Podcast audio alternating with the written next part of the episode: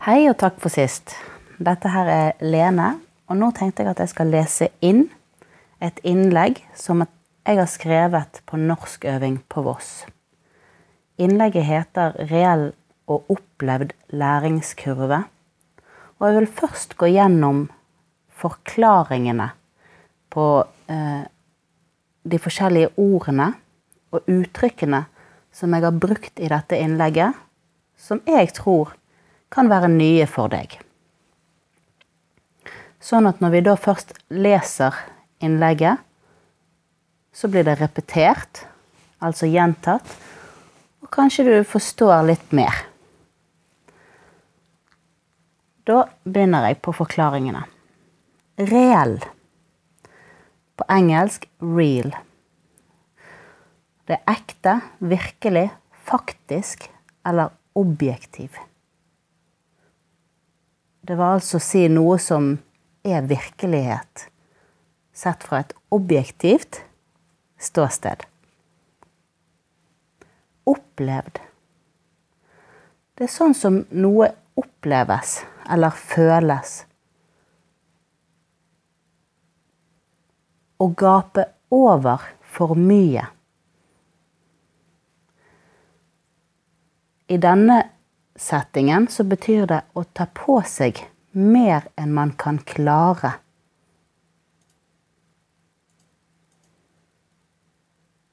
Hjernebry. Det er noe som vi sier hvis oppgaven er noe som er krevende for hjernen, altså for hodet, og vi må tenke masse. Å stå på stedet hvil. Det betyr å ikke komme videre i utviklingen eller arbeidet.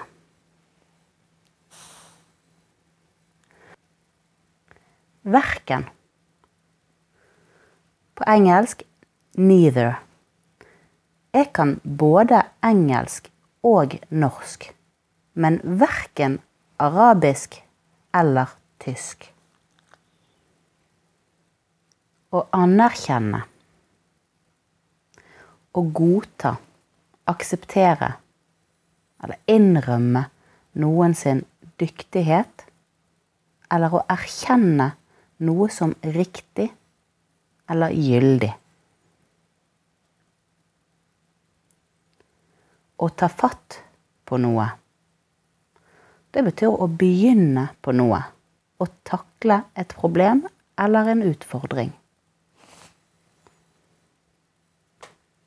Suge opp kunnskap.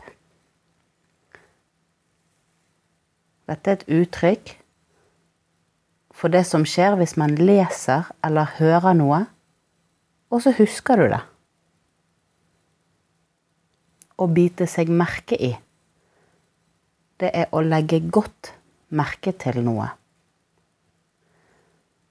Å insistere. Stå fast, holde fast ved noe, eller å være bestemt om noe. Det kan godt være at du opplever at det er flere ord i dette innlegget som du ikke forstår helt enda. Og det er i orden. Du vil forstå det snart. Hvis det er noe du lurer på som du ikke finner ut av ved å søke på Google eller å spørre noen som er der med deg, så kan du ta kontakt med meg. Da setter vi i gang. Reell og opplevd læringskurve. Alle har mulighet til å lære et nytt språk. Men det er likevel ikke alle som våger å gi seg ut på denne utfordringen. Det er tøft, og til tider kan det virke som om du har gapt over for mye. Som for eksempel i begynnelsen, når du sitter i en samtale og ser ut som et stort spørsmålstegn, og ikke forstår noe av hva den andre sier, annet enn et lite ord her og der. Men så plutselig kommer du likevel videre og oppdager at du forstår mer. Og du kan ha en vanlig samtale uten for mye hjernebry. Du blir motivert og glad, og du strekker deg gjerne for å lære enda mer. Og etter en stund føles det som om du har sluttet å gjøre framskritt, og står på stedet hvil.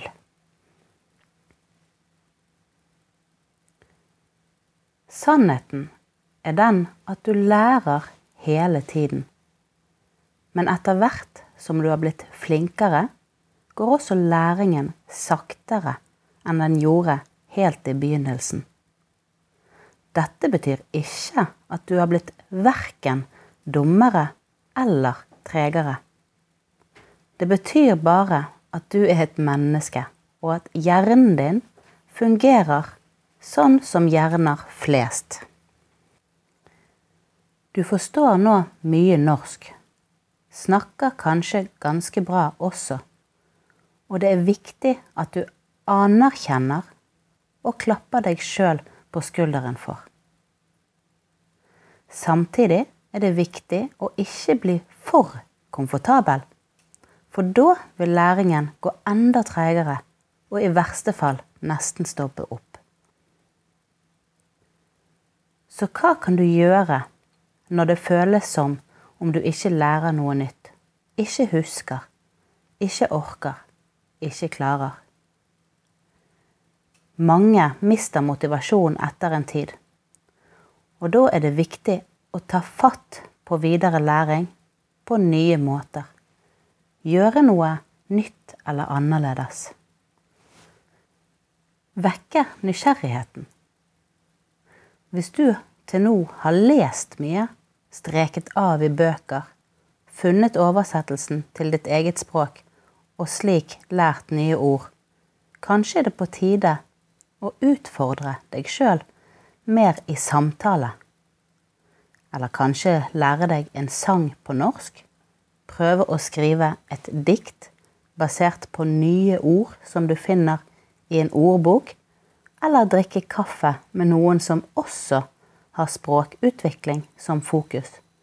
Enten de kan mer eller mindre enn deg. Det er effektivt å lære selv med å lære noe bort. Personlig så opplever jeg at det å snakke sammen om et tema som virkelig engasjerer meg, gjør at jeg suger opp mer kunnskap enn når jeg øver meg på daglige samtaler gjennom en bok. Jeg biter meg merke i ord som hjelper meg å forstå eller beskrive noe som jeg bryr meg om. Derfor er mitt beste råd basert på mine erfaringer. Gå ut, treff nye mennesker. Insister på at dere snakker norsk, og snakk om noe som virkelig interesserer deg. Skriv ned nye ord som hjelper deg å beskrive hva du tenker og føler, og bruk disse ordene mange ganger i løpet av samtalen. Sist, men ikke minst, bli med neste gang vi i gruppen Norskøving på Voss treffes. Nedenfor her ser du tre illustrasjoner, og det er av forventet læringskurve. Altså det du forventer at skal skje. Du tenker kanskje at du begynner på null, og så stiger du gradvis i jevnt tempo mot å bli flinkere og flinkere. Det er det vi kanskje forventer når vi begynner å lære et språk. Og så opplever vi at vi først klatrer over en liten fjelltopp, og så føles det som vi ramler ned igjen i en dal. Og så hviler vi der litt før vi klatrer opp igjen mot en ny fjelltopp, litt høyere denne gangen, og så ned igjen i en dal før vi kan ta fatt på mer læring. Og så har du den reelle læringskurven som viser at vi faktisk lærer hele tiden.